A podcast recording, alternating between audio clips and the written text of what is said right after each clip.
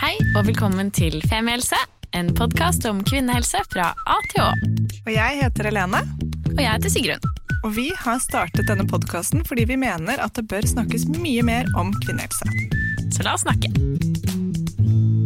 God morgen, Helene. God morgen, Sigrun. Er det der så koselig, fordi nå føler jeg på en måte, siden vi spiller i nå 08.07 på en utrolig regnfull og mørk tirsdag morgen, at jeg nesten får lov til å vekke deg med, på sengen og si gratulerer med dagen. Ja, ja, at jeg kommer da sånn listende inn på rommet. Ja. Mens du, men man egentlig lager veldig mye lyd på veien, fordi man har ikke skrudd på lyset. Og så har man en sånn liten kake med fire små lys på. Ja, og det har vært så koselig. Ja.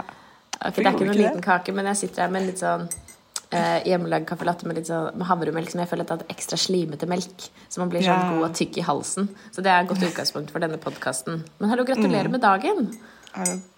Takk det samme, Sigrun. Femihelsebursdag.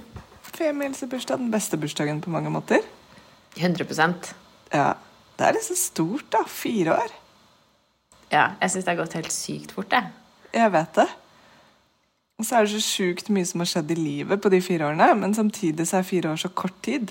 Dette fascinerer meg alltid. Man kan liksom se tilbake på hvor i livet du og jeg var for fire år siden, og så bare et helt, Vi jobbet sammen, bodde andre steder, i hvert fall gjorde jeg det. Ja, du gjorde vel det, du også?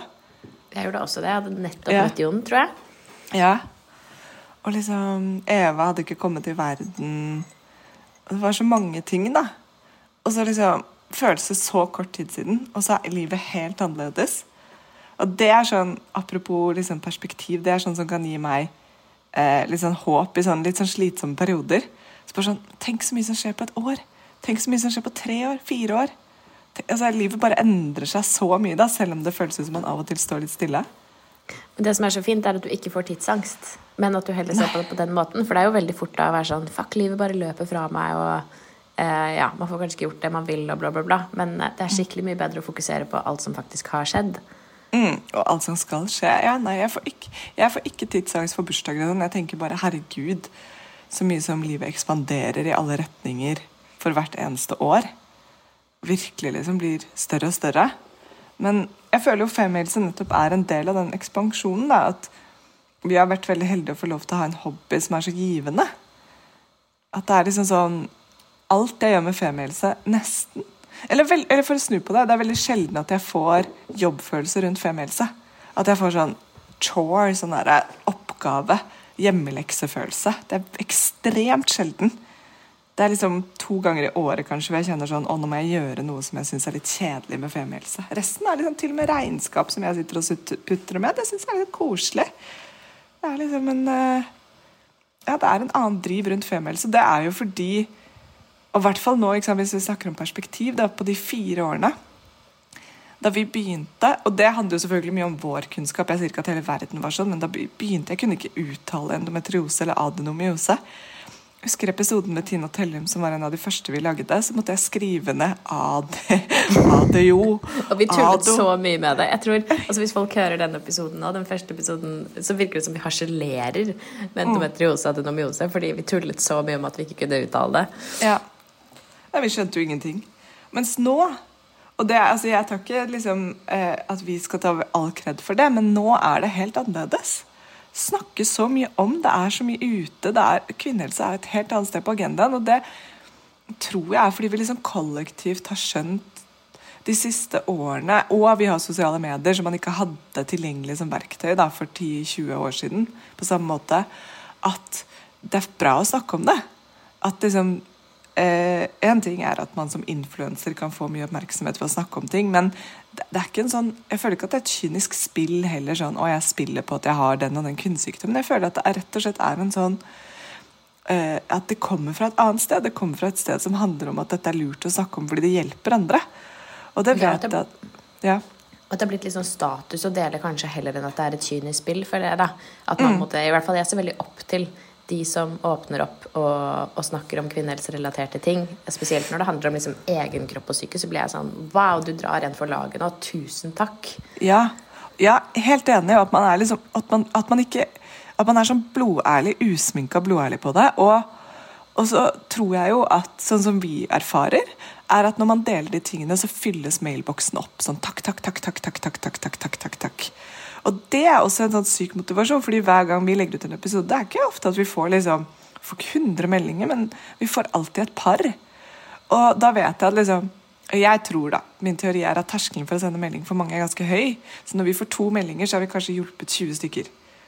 Så det er liksom sånn, da er det 18 stykker som tenker sånn å det var en bra episode, som kanskje deler den med noen andre, men som ikke nødvendigvis sender oss en melding. Det er i hvert fall sånn min sånn tommelfingerregel. da. Din indre motivasjon. Det er Ja, mange men- flere som egentlig ja. Det er veldig mange flere som setter pris på meg enn de som sier det høyt. ja, men det tenker jeg jo også det er, sånn på ekte. Men Og det er og, og, liksom, og min personlige motivasjon også er jo Eller jeg vet ikke med deg, men for meg så blir det også veldig sånn mm, Det har gjort mitt forhold til min kropp og til min helse annerledes også. Altså mye friere. Lettere. Uh, og ikke alltid mer behagelig. Jeg syns fortsatt det er veldig vondt å få meldinger av kvinner der ute som sliter med PMS, PMDD, og så har jeg ikke noe svar å gi dem. For jeg får jo ofte det sånn Hva, vil, hva kan jeg gjøre? Så jeg sånn Jeg vet ikke. Ja, Men handler det så mye om å ha et svar å gi, eller handler det Eller jeg tenker sånn, Bare det at man har tilgjengeliggjort informasjon, eller har hjulpet på en eller annen måte, syns i hvert fall jeg er fantastisk fint å tenke på, selv om man ikke alltid har 100 av svaret. Ja. Så har jo vi også muligheten til å peke folk i riktig retning og ja, Jeg jeg tror, altså For min del så er det selvfølgelig en stor del av det, men en motivasjon og en takknemlighet som jeg har til femmelse, er jo at det har gitt meg på en måte en helt ny dimensjon i livet i form av kunnskap og noe jeg kan noe om. Eh, som er jo en, en kjempegave. For det, ta, altså, det krever ganske mye da, å sette seg inn i en tematikk over liksom, flere år. Eh, skjønne noe, få liksom, oversikten over et tema. Jeg bare syns det er så utrolig givende i egentlig alle settinger jeg er i. da eh, Å kjenne på at vet du hva, jeg, eh, jeg har noe å bidra til med da når det kommer dette, til dette temaet her. Eh, også for min egen del også som sånn å, å lese om ting og dykke ned i ting, noe som måte, jeg har valgt å synes er spennende. Så det er så deilig som er liksom på siden av jobb, på siden av liksom alle de tingene jeg har holdt på med før. Det er ikke nye middagsoppskrifter, det er liksom et helt fagfelt som er skikkelig gøy. Jeg er helt enig. Og den andre siden av det også er at øh, jeg føler at jeg får Du vet sånn har en sånn liten følelse av og til når, når noe skurrer. At man liksom ser på sånn Hvorfor får vi ikke hjelp? Hvorfor er ikke ting som det er? Og så får vi gjennom Femihelse og hele nettverket rundt oss at liksom alle får et større perspektiv på at ja, det er noe galt med systemet. Og systemet har vært galt lenge. Det liksom begynte med hvordan vi forsket på det osv. Um, og så blir jeg sånn, men hvordan kan vi påvirke det? Og så kan vi faktisk påvirke det. Det er det som er, men? Og det ligger jeg ofte våken om netten og tenker på hvordan vi kan påvirke det politiske systemet når det kommer til behandling av kvinnesykdommer og fokus på det. Og jeg kan bli liksom kjempefrustrert når statsbudsjettet dropper, og de sier at eh, Arbeiderpartiets representant i helse- og omsorgskomiteen, Carl Christian er det han vel heter, jeg husker ikke helt, men hvert fall som går ut og sier offentlig at ja, men vi satser på kvinnehelse. Vi har fått til et screeningprogram eh, for livmorhalskreft hvor du får sendt testen hjem. Det er ikke å satse på kvinnehelse. Det er B-minimum av hva vi kan forvente, og det sparer fastlegene for masse tid at vi får en test sendt hjem som vi kan snu. Dette er liksom sånn det minste vi kan forvente for 2023, på en måte. At man kan få lov til å ta en test hjemme. Altså, Hele landet har fungert hjemmefra i to år under en pandemi. Selvfølgelig skal vi greie å ta en liksom, q-tips opp i skjeden selv. Det greier vi, liksom. Men, og, og det er ikke å satse, men da blir jeg sånn Ok, hvis de tror at det er å satse, da må vi snakke om hva det er å satse. Og så føler jeg at den pushen kommer fra så mange sider nå, at til slutt så må på en måte bare denne byllen liksom bare poppe. At man bare Ok, vent litt da, nå forstår vi. Vi må satse fordi kvinnehelse er så sjukt viktig å fokusere på. Dette er min Ja. tro. Ja, 100% enig. Og så tenker jeg sånn Kreftrelaterte sykdommer det er selvfølgelig en viktig del av, kvinnehelse, men det er kanskje i enda større grad folkehelse. For det handler jo ikke om å ta vare på oss preventivt, nødvendigvis, som jeg syns er kanskje den mest spennende biten av, av, av kvinnehelse. Liksom sørge for at folk har det bra og fungerer i livene sine, som er jo de ja, kanskje mest alvorlige, viktigste tingene vi kjemper for på en eller annen måte. Ehm, folk som sliter med ting som de kanskje ikke vet er sykdommer engang. Altså, jeg tenker det er så mye som handler om på en måte omsorg. Vi kommer tilbake til det hele tiden. Um, men å, å, passe på at vi har det bra og fungerer, og som ikke handler om å, ta, om å ta en test, da. Mm. Så Nei, det er skikkelig provoserende. Mm. Og det er jo og, og der er det jo Jeg vet ikke engang hvor man skal begynne, men nettopp dette med omsorg inn i helseomsorgen, da. Og det, det, er jo en helt annen diskusjon, men jeg føler jo at vi møter så utrolig mye flinke eh, mennesker som jobber i helseomsorgen. Hver eneste gang vi spiller en episode, så gjør vi jo det. Og det er også en sånn oppløftende ting med femihelse, er at eh, man hører om mange som ikke blir møtt, men vi møter jo veldig mange som møter mange på en utrolig god måte. Så det, det fins en sånn derre Femihelse føler jeg, i hvert fall for meg, gir håp. Det er en sånn derre oh, OK det, det kan det, liksom, det, er ikke helt sånn der, Vi er ikke helt overlatt til oss selv med kvinnekroppene våre. Nei, vi er ikke det. Mm. Mm. Men nå som vi snakker om fremtiden og kvinnehelse, så får jeg veldig lyst til å skrive eh, en kronikk, eller i hvert fall å dykke litt ned i liksom, hvordan teknologien eh, og den utviklingen der påvirker hvordan vi tar vare på hverandre. Mm. Eh, vi var med i en sånn en, eh, en konkurranse eh, i forbindelse med jobb, man, en innovasjonskonkurranse. Da, og de som vant, eh, de driver med eh, digital utdeling av medisiner, blant annet. Mm. Um, og bare synes Det er så spennende. på en måte Det er noe vi har snakket lite om i Femihelse, men hvordan det påvirker oss som mennesker. At vi fjerner så veldig mange av de liksom mellommenneskelige leddene i, i, det å ta vare på hverandre. Vi har videokonsultasjon med fastlegen vår, både med oss selv og med, med barna våre. Um, vi får vi blir eldre eller syke, får vi medisinene våre utdelt digitalt um, store deler av uka. Hvordan, hvordan, påvirker det oss egentlig?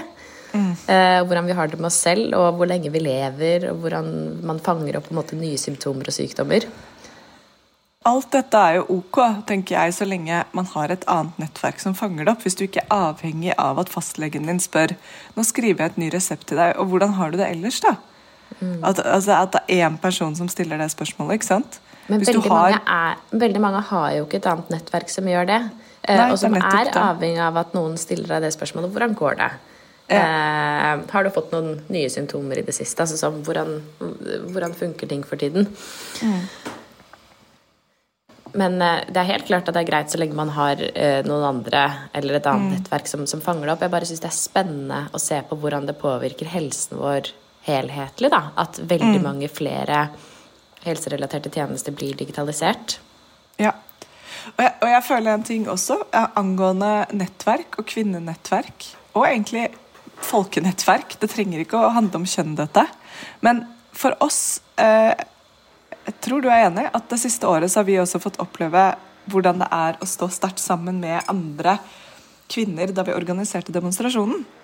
Um, for det var jo noe vi gjorde sammen med uh, bunadsgeriljaen og barselopprøret. Uh, og det ga styrke. Plutselig så var vi fra å være oss to og 1000 baller i lufta, så var vi liksom bare sånn derre Seks ganger så mange. og vi var bare sånn derre Force to be reckoned with, liksom. Det var virkelig sånn derre En kraft som kom gjennom den Facebook-chat-tråden eller Messenger-tråden vi hadde, som var helt vill. Um, og det ser jeg jo også på den uh, kontoen um, uh, 1001 historier, hvor bl.a. Kristina og Frida og en gjeng har slått seg sammen uh, for å få dette til. Og det tenker jeg jo er um, til inspirasjon. Fordi uh, ofte så kan man føle at ting Eller i hvert fall vi har følt at ting kan bli litt stort, litt overveldende. Og jeg lærte i hvert fall veldig av den demonstrasjonen at hvorfor skal vi gjøre det alene? Altså, Hvorfor skal vi stå liksom, på barrikadene helt alene og prøve å endre f.eks. Eh, svangerskap, fødsel og barselomsorgen, eller endometriose, eller at ingen blir dømt for voldtekt i Norge? Man trenger ikke, liksom, man, man treng, vi trenger ikke å gjøre det alene. Og da er det å finne de der soul-sisterne hvor man bare kjenner sånn oh, her er fliten bra, vi jobber på samme måte, dette er gøy. Og det merker man ofte ganske fort i de første møtene. Og man har på en måte samme språk og samme tempo og samme liksom eh, ja, måte å dytte ting igjennom på, da.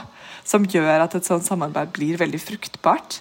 Jeg elsket f.eks. det når vi organiserte demonstrasjonen, som var ganske sprøtt at vi gjorde når man tenker at vi gjorde det, men det, det gjorde vi. At ting gikk så fort. Det var sånn at Avgjørelsene ble bare tatt sånn her, og det resulterte f.eks. i at jeg sendte ut et jeg trykket opp et sånt skriv til 50 politikere med masse skrivfeil de første fire linjene. Men da var jeg sånn Nei, nå har jeg gjort denne feil én gang, og jeg trodde jeg hadde rettet opp i det. Det har jeg ikke, så da får, bare, da får det være en sånn da, da, leverte jeg det ut til politikerne, eller gikk til Stortinget og leverte det ut. Så tenkte jeg sånn Ja ja, hvis de ser skrivefeilene, det er jo ikke alle som gjør det engang, hvis de ser dem, så kommer de i hvert fall til å liksom huske dette brevet, fordi det var skrivefeil i det. og så får jeg håpe de husker budskapet også. Men det er litt deilig at, vi, at liksom, man kan finne noen som hvor, hvor, ting bare er liksom fuck it, vi bare gjør det. Kom igjen, smakk, smakk, smakk. Og selvfølgelig skal ikke det være sånn man slurver, men at det liksom tempo på ting. Og det tempoet ligger i litt tall, da. Og det er litt sånn, ja. Men tror du ikke liksom generelt sett at de som får til å skape endring, er de som får den følelsen som vi fikk? I hvert fall jeg fikk den perioden der som her er Vet du hva? Dette her klarer vi. Vi får mm. det til. Eh, vi mm. kommer til å nå igjennom. Eh, og bare har så ståltro på saka. da. Og man blir så mm. skamløs og bare snakker med alle som har lyst til å høre på, tar tak i media. altså Bare gønner på. Og den følelsen der eh, Det er ikke så mange ganger jeg har hatt den, men jeg føler sånn de gangene jeg har hatt den, da, da, blir, det, da blir det glitter, liksom. Helt enig. Da blir det glitter. Og jeg liksom jeg er jo kjempelei meg på vegne av alle kvinner som bor i Kristiansund-området nå for at fødeavdelingen der faktisk ble stengt. Helt sånn mm. stille. Den ble mm. åpnet, og så stengte jeg nå denne uken. Og, og jeg, men jeg vet at bunadsgeriljaen kommer ikke til å gi seg, men jeg vet også at de er dritslitne. så det er sånn, Men noen kamper blir man, altså, Noen kamper vet man bare at man må stå i, det, og det blir lang, langsiktig. men og det er nettopp det, ikke sant? Fordi Jeg tror ikke at vi kommer til å kunne endre hvordan vi ser på kvinnehelse i Norge og verden i løpet av liksom 2022, liksom Q4. Men jeg tror sakte, men sikkert så endrer vi litt og litt. Og det som er positivt, er jo at når vi er på Uh, og når vi møter politikere da, de som de, på mange måter litt dessverre til syvende og sist er de som får lov til å bestemme veldig mye om hva som i hvert fall pengene skal fordeles til, så er jo de Mange av de er jo yngre enn meg, og småbarnsforeldre. Så det er jo ikke sånn at før, når man var liten, så var det sånn alle de voksne bestemmer. Så nei, nå er vi de voksne. Og det er vi som bestemmer. Og de lever i de samme forholdene som vi gjør, mer eller mindre. Eller på en eller annen måte så går de føder, de også. Eller de har endometriose, eller har vært utsatt for et seksuelt overgrep, dessverre. Eller hva det skal være. Alle har sin historie når det kommer til kropp. Og heldigvis er vi i hvert fall likestilte nok i Norge til at på Stortinget så er det ganske likestilt i forhold til kjønn. Og det gjør jo også at hvis man kobler seg på helse og har en interesse for det, så tenker jeg sånn OK, men da vil man jo også stemme deretter. Håper jeg. Og det er det vi i hvert fall har tenkt å fortsette å pushe på. Og jobbe for at politikerne blir liksom bare 'Hallo, se dere selv i speilet. Nå må dere hjelpe dere'. You need to help yourself, girls. Ja, se seg selv i speilet, og så vil de ha kunnskap. Og det syns jeg er kjempemotiverende. Eh, mm. Vi skal jo eh, nå forhåpentligvis invitere en gjeng med politikere for å snakke om eh, svangerskaps-, fødsels- og barselomsorgen sammen mm. med mm, barselopprøret og bunadsgeriljaen og gjengen som var med å arrangere demonstrasjonen. Mm. Og jeg syns det er så kult at før vi får offisielt invitert dem, så er det sånn 'Jeg vil være med! Jeg vil være med!' At de har så lyst på den informasjonen. Og at det er så ydmykhet med tanke på at dette har vi egentlig ikke liksom så mye kunnskap om. Vi vil gjerne høre hvordan det egentlig står til fra de som forsker på det, fra de som jobber med det. Eh, og jeg skjønner også at som politiker så er det utrolig mange temaer å sette seg inn i. Eh, og i hvert fall å få måte, den kunnskapen om hvordan det faktisk er. Én ting er å få et oppsummeringsskriv fra sekretæren din, eh, men å sette seg inn i måte smale temaer innenfor helseomsorg. Jeg, jeg skjønner at det er krevende, og jeg syns det er utrolig fint at så mange er positive til å, til å lære mer da, om tingenes mm. tilstand. Og det kan kanskje være en liten sånn effektivt tips fra vår side som vi har lært, er at eller som vi har skjønt, er at nettopp det at mange politikere hungrer etter kunnskap om et tema, fordi det gir dem slagkraft i f.eks. en debatt. da. Um, så hvis du eh, et eller annet sted i Norge sitter nå og tenker sånn å, jeg skulle ønske at det var mer fokus på dette temaet, organiser et frokostseminar. Hvor du får liksom eh, tre-fire stykker som kan masse om temaet, til å holde innlegg på ti minutter. Inviter alle politikerne som er relevante, f.eks. innenfor en gitt komité. Uh, og bare gjør det enkelt for dem å komme og lære mer om det du brenner for. Og det er liksom, hvis man, hvis man gjør det enkelt nok, man legger det liksom f.eks. i nærheten av Stortinget, eh, får et billig lokale, kanskje oppretter en spleis for å betale for det, så kommer de. Selvfølgelig, Du kan ikke liksom si neste torsdag, du må si sånn 15. desember, liksom to måneder fram i tid, så du vet at de holder av tiden. Men der har vi fått litt sånn Oi, shit, folk kommer. For de har lyst til å lære, og da har man plutselig fått en liten fot innenfor. ikke sant? Så er Eller invitere seg selv på. Stortinget. Det går også an.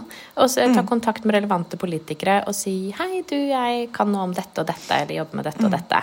Eh, ta gjerne en prat for å fortelle deg mer. Eh, Det har jeg gjort gjennom jobb et par ganger, og fått lov til å komme og snakke med de som jeg har lyst til å snakke med. Og, fått, eh, måtte, og har også en pågående dialog med de, som er jo utrolig kult. Ja. Og hvis man kjenner at nei, det, liksom, jeg har ikke så lyst til å være med påvirkelig, jeg jeg har ikke energien til det, jeg har ikke, jeg har ikke plass til det i livet mitt nå, så er jo alltid en veldig fin form, fin form for politisk eh, påvirkning som vi snakker mye om, er å melde seg inn i pasientorganisasjonene. Fordi ved å gjøre det, så er du egentlig med på å påvirke. Og by the way, shout-out til Endometrioseforeningen som vant Plan sin jentepris. Ja. Det er så utrolig fint, så bra, så velfortjent. Så riktig, og som de sa fra scenen, liksom hele styret er kronisk syke, og likevel så får de til så mye bra. Men hvis man da sitter og tenker at jeg har endometriose, adenomyose, eller tror jeg har det, så er det en organisasjon å melde seg inn i. For jo flere medlemmer de har, jo høyere kan de rope. Og det er som Hvis alle i Norge som hadde hatt endometriose, hadde meldt seg inn der? Vi snakker liksom 100 000. Og så hadde det vært en organisasjon som hadde bare kunnet virkelig pløye gjennom. ikke sant? Så det er, det er ikke sånn tull engang at pasientorganisasjoner er et veldig viktig verktøy opp mot politisk påvirkning, og også liksom eh, bare mot liksom lokalmiljøet, hva de kan gjøre, hva de kan få til, hva de kan arrangere. Det er eh, kjempeviktig. ja, det er skikkelig viktig. Så nei, det er, eh, det er mye Det er mye med femielse som er fint, og mye som er Ja. frustrerende. Jeg føler at vi kan fortsette denne, denne hyllestpraten i, i timevis, det er veldig gøy. Men jeg vet jo hvordan vi skal feire.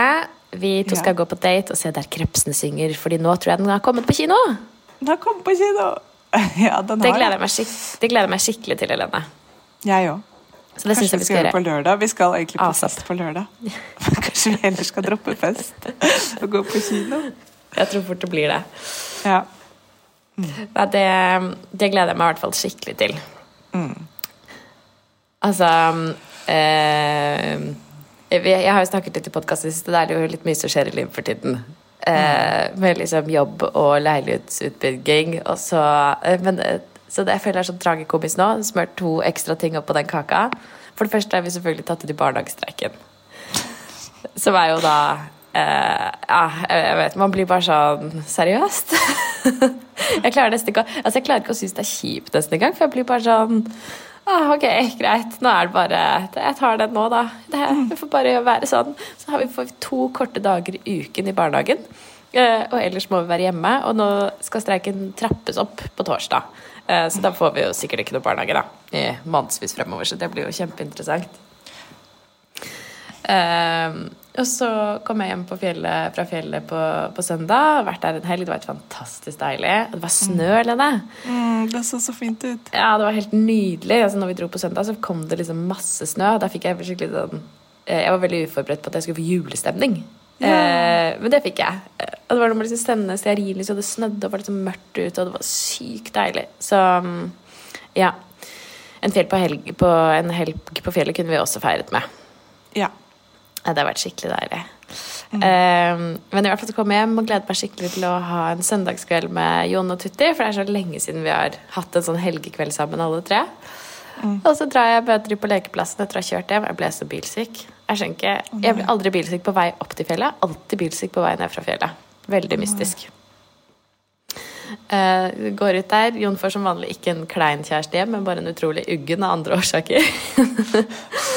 Går og møter de på lekeplassen, og sykt hyggelig, og så ringer telefonen. Uh, hei, du, det kommer eh, Det renner vann ned i leiligheten min. Uh, gjennom taket. Er det det er, Da renner det kanskje vann gjennom deres leilighet òg? Og vi bare uh, Ja, det gjør det kanskje, ja. Så Jon må bare løpe ned til den byggeplassen av en leilighet som vi har. For da har de selvfølgelig de har tatt hull i taket, hvor vi skal, vi skal løfte taket og lage en sånn takark Tatt hull i taket. Ikke dekket til ordentlig, de som har gjort det. Og så har det regnet masse. Så det har regnet ned på loftet, ned i vår leilighet, ned i leiligheten under. Og bare sånn major vannlekkasje. Å, herregud. Ja. ehm, altså det, så nå driver de og tørker opp da, og ser liksom hvor store skaden er, og hvor mye det vil forsinke prosessen. Å, fy fader. Mm, så jeg føler nå er alt bare sånn slam, slam down, slam down. Du bare går skulle- sånn bortover mens folk puncher fra siden. ja, det kjentes sånn ut. Og vi skulle begynne å legge, liksom, fikse gulvene også. Så bare sånn han som er ansvarlig for det, bare sånn Å ja, nei, vi anbefaler ikke å gjøre det på den måten dere har planlagt. Bare sånn, Men det har vi jo sagt at vi skal gjøre det sånn i månedsvis. Å ja, nei. Dere må ta opp alt gulvet. Både det på loftet og i den eksisterende leiligheten. Gjøre alt på nytt. Å ja. Slam down, slam down! så bare mangler at vi alle fikk omgangssyke nå også. Så, så er liksom Det er jo en fordel med at Tutti ikke er i barnehagen, da. Ja, da får hun ikke omgangssyke. Nei. Nei. Nei, å shit. Det høres eh, det, er, det høres mildt sagt slitsomt ut. Ja, man bare man føler bare sånn Altså, jeg, jeg klarer ikke å ta det så tungt engang. Jeg blir bare sånn Å, fy faen. Altså, det er nesten Det er bare tragikomisk, da. At alt Ja. bare kommer. Og denne uken selv hvor jeg skal liksom holde to foredrag, og altså, du har sånn reise, og det er sykt mye greier, så bare sånn mm. Ah. Ja. Nei, så vi får håpe barnehage, barnehagene får det de krever, fort, fort, fort, og får lønn Ja. som lønn for strevet, sånn at uh, streiken kan trappes ned. Så får Men vi håpe at sola skinner og tørker opp leiligheten.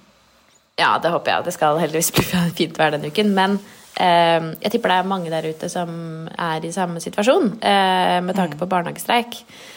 Så um, ja. Hvis man har noen tips eller eh, er keen på å møtes på en lekeplass, så tenker jeg man burde reach ut til de som er rundt seg, så man på en måte i hvert fall kollektivt kan være litt sammen. For det er jo sykt mye lettere når man har barn. Så hvis noen har lyst til å starte en liten femihelse childcare group ja. Ja. Så reach out, tenker jeg. Det mm. hadde vært eh, skikkelig hyggelig. Og så får vi bare, bare sånn, Skolen har jo, var jo stengt i ukevis med skolestreiken. Så mm, ja, plutselig sitter vi hjemme her til jul. Da får vi i hvert fall god tid til å bake pepperkaker. Ikke sant? Du tørker opp i leiligheten og sånt da. Ja. Rive gulvet kan dere gjøre sammen. Tutti kan Ja. gjøre. ja, ja, ja. Superpraktisk. Og du, da? Har du noen slam down? Som du har lyst til?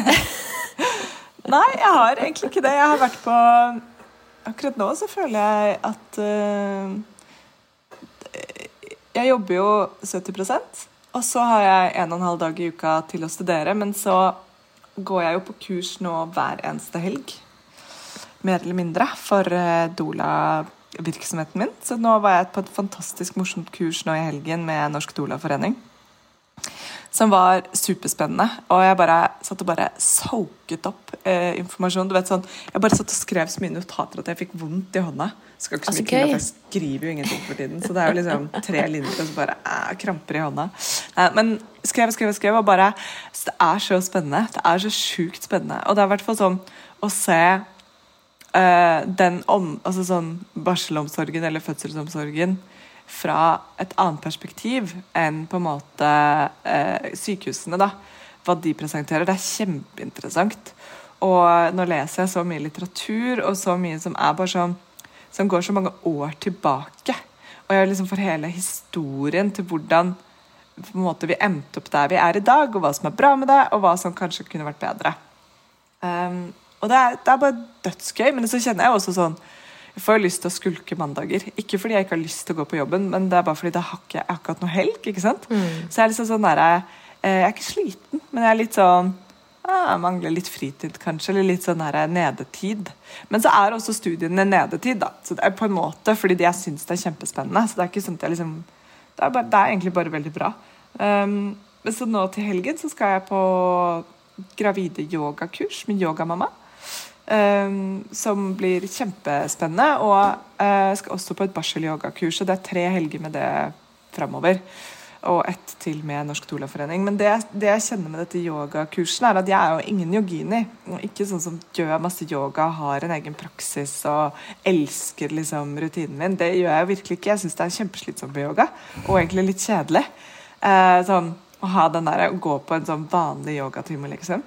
Men jeg er egentlig veldig glad i bevegelse, sånn som da du og jeg gikk mye på hotyoga sammen, eller når jeg har kjørt sånn uh, 30 Days Yoga Challenge, eller er mye på yin-yoga, eller sånne ting. Så jeg er egentlig veldig glad i det. Så det fra mitt perspektiv, liksom fra mitt eget uh, ståsted, hva jeg også gleder meg til, som ikke bare handler om doula-utviklingen, er å bruke denne feminine, myke formen for yoga for å lage min egen praksis som ikke er den repeterende opp og ned, opp og ned, opp og ned. opp og ned men mer en sånn myk bevegelse av kroppen, og hva er det jeg trenger i dag, type liksom eh, Eller hva jeg har lyst til å gjøre i dag, da. Som jeg gleder meg veldig til. Og jeg tenker bare også sånn for klienten din hvor sykt verdifullt det er for deg å kunne si sånn ja, denne øvelsen er deilig på en måte hvis man har vondt i bekkenet, eller for å styrke bekkenbunnen, eller for å slappe av altså, i det og det trimesteret. Det er jo utrolig verdifullt. Mm. Det er jo akkurat sånne konkrete tips man har lyst på. Sånn, ok, men da kan du prøve på en måte denne posisjonen, og mm. Lage små er... rutiner sammen med dem. og ja, superfint. Ja, fordi i og, jeg, I og med at jeg ikke har en veldig sånn yogisk bakgrunn, så kommer jo ikke jeg mest sannsynlig til å begynne å gå på et yogastudio og holde timer. Liksom, det er ikke det som er planen, men planen min er å dele nettopp av denne kunnskapen med klientene mine framover. De som har lyst til det. At du kan bruke litt tid på å sette opp en liten rutine sammen, en liten praksis. Eller sånn, ja, nettopp som du sier, sånn, du har vondt her, kanskje du har lyst til å prøve dette. Hvis ikke, liksom, kjenn etter. ja. Så, og så er det kjempespennende. I går så gikk det opp for meg fordi den første, hun første jeg skal være med på i fødsel, min første fødsel, har termin snart. Wow! Mm. Ja, så, så, du, jeg er så spent på dine vegne.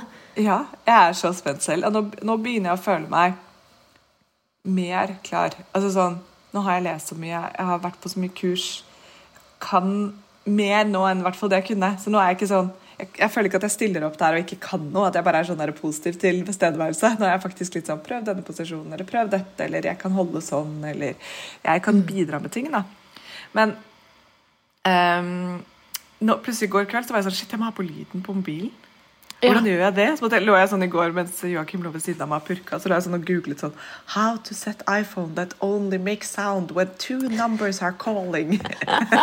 For jeg var sånn Jeg kan ikke ha på lyden og få alle Messenger-meldinger og alle SMS-er hvis man får det etter klokken Det er ikke mange som gjør det, da, men hvis jeg skulle fått det liksom klokken tolv, da våkna det. Men jeg tror ja. jeg fant en sånn fokusinnstilling hvor jeg kunne liksom da bare appen telefon ja. og bare to numre. Jeg har det bare legge, eller at favoritter alltid går gjennom. Ja, jeg vet det. Det har jeg ja. også. Men da er det jo sånn at det er jo ingen som, fra favoritter som ringer meg etter tolv. Men uh, da må jeg bare legge dem til favoritter, da. Mm. Ja. Men, men og det er så spennende. Jeg er så spent på om liksom jeg kan bare se for meg at det er så sjokkerende. At fordi det er liksom så brutalt da, på mange måter. Det er selvfølgelig også fint, men det er jo så sykt brutalt. Mm. Ah, jeg gleder meg sånn til å høre, høre om det gjennom deg. Mm. Ja, jeg er også super uh, Kjempespent. Helt sånn sitrende. Og ja. ja. gleder meg skikkelig. Jeg tror at uh, ja. Jeg har masse tanker, da, masse planer, masse følelser rundt dette. Jeg har nevnt det for noen av dere før og fått litt meldinger på det med Kvinnehelsesenteret. Og så, jeg får sånne nye ideer hele tiden. 'Å, men da kunne jeg gjort sånn', eller 'vi kunne gjort sånn', eller 'du vil være med', ok, hvem da vi gjør det? Og så, så er det liksom hele det økonomiske perspektivet i det også, da, som jeg har lyst til å ivareta. Fordi jeg mener, Det er liksom sånn en brannfakkel jeg har begynt å tenne. er at uh, Selv om vi jobber med myke yrker og at vi jobber med varme hender, på en måte omsorgen, så skal det ikke være sånn at man er blakk resten av livet. Så hvordan kan man snu det? Hvordan kan man tjene penger på en måte som gjør at folk fortsatt har råd til å få hjelp av deg? Uh, og, men, men, at man kan tjene penger på andre ting enn bare det. Så det driver jeg og forsker på for tiden. Og har lyst til å spre det glade budskapet om etter hvert hvis jeg finner på noe lurt. Og det er det jo mange som har gjort før meg, altså. så det er ikke det. Men uh, ja, gå inn i dette med liksom, Dette er det man skal leve av. Da skal man leve. Hvordan gjør jeg det? Det bare å finne ut av. Ja. Jeg er så enig. Det er så viktig. Også for, jeg tenker også for at flere skal kunne jobbe med det. Så må mm. man på en måte gjøre det vanlig at, uh, at man skal tjene penger. Ja, og det er bare sånn Avslutningsvis er jo selvfølgelig det eh, på min politiske agenda at Dola skal inn i eh, fødselsomsorgen. Alle som på en eller annen måte har et behov for å ha ekstra støtte under en fødsel, skal få tilbud om det. Om det så er at man bor på krisesenter, eller at man eh, har vært utsatt for seksuelt misbruk, eller har en eh, partner man ikke stoler på, eller ikke har en partner, eller har bare fødsel, ikke bare fødselsangst, men har fødselsangst Tenk om det kunne vært noe du fikk tilbud om. Trenger du en doula? Ok, her, du kan velge mellom disse tre. Eh, de har forskjellige egenskaper og bla, bla. Da er det hun som følger deg, i tillegg til jordmor. Tenk, liksom. Eller han, da, selvfølgelig. Det fins jo noen av dem òg. Men altså, bare det, er, eh, det, det, hadde vært eh, Det hadde vært en drøm. Ja, enig. Mm. Det hadde vært så sterkt. Ja. Det kommer. 2025 er målet. Ja. må du gå, må du ikke det? Jeg må. Jeg skal spise frokost, så skal jeg til psykolog. Så deilig, da. Det hørtes ut som en god, en god, tirsdag. Det er en god tirsdag. Mm. Og du skal på jobb. Jeg skal, fort, jeg skal forte meg jobbe, og så må jeg forte meg hjem og overta barnet. Og så må jeg forte meg jobbe mer i kveld. Yay! Yay. Nei da. Nei, det blir bra. Dagen, Sigrun. Gratulerer med bursdagsuken og dagen. Skulle vi hatt et kult bilde å legge ut på Instagram, men det er en stund siden vi har fått tatt kule bilder, så vi må legge ut noe. Se om vi har noe gammelt ræl. Ja, vi har nok noe gammelt ræl. Ja. Okay, OK, vi snakkes. Ha en god dag. Ha en god dag, alle sammen. Ha det. Tusen takk for at du hørte på podkasten vår. Selv om det forhåpentligvis kommer tydelig frem, så vil vi understreke at vi ikke er helsepersonell.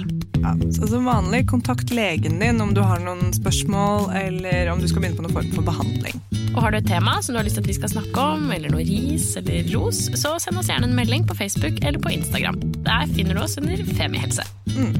Og du kan gjerne rate oss på iTunes. Det er skikkelig hyggelig for oss. Ha en fin dag. Ha en kjempefin dag.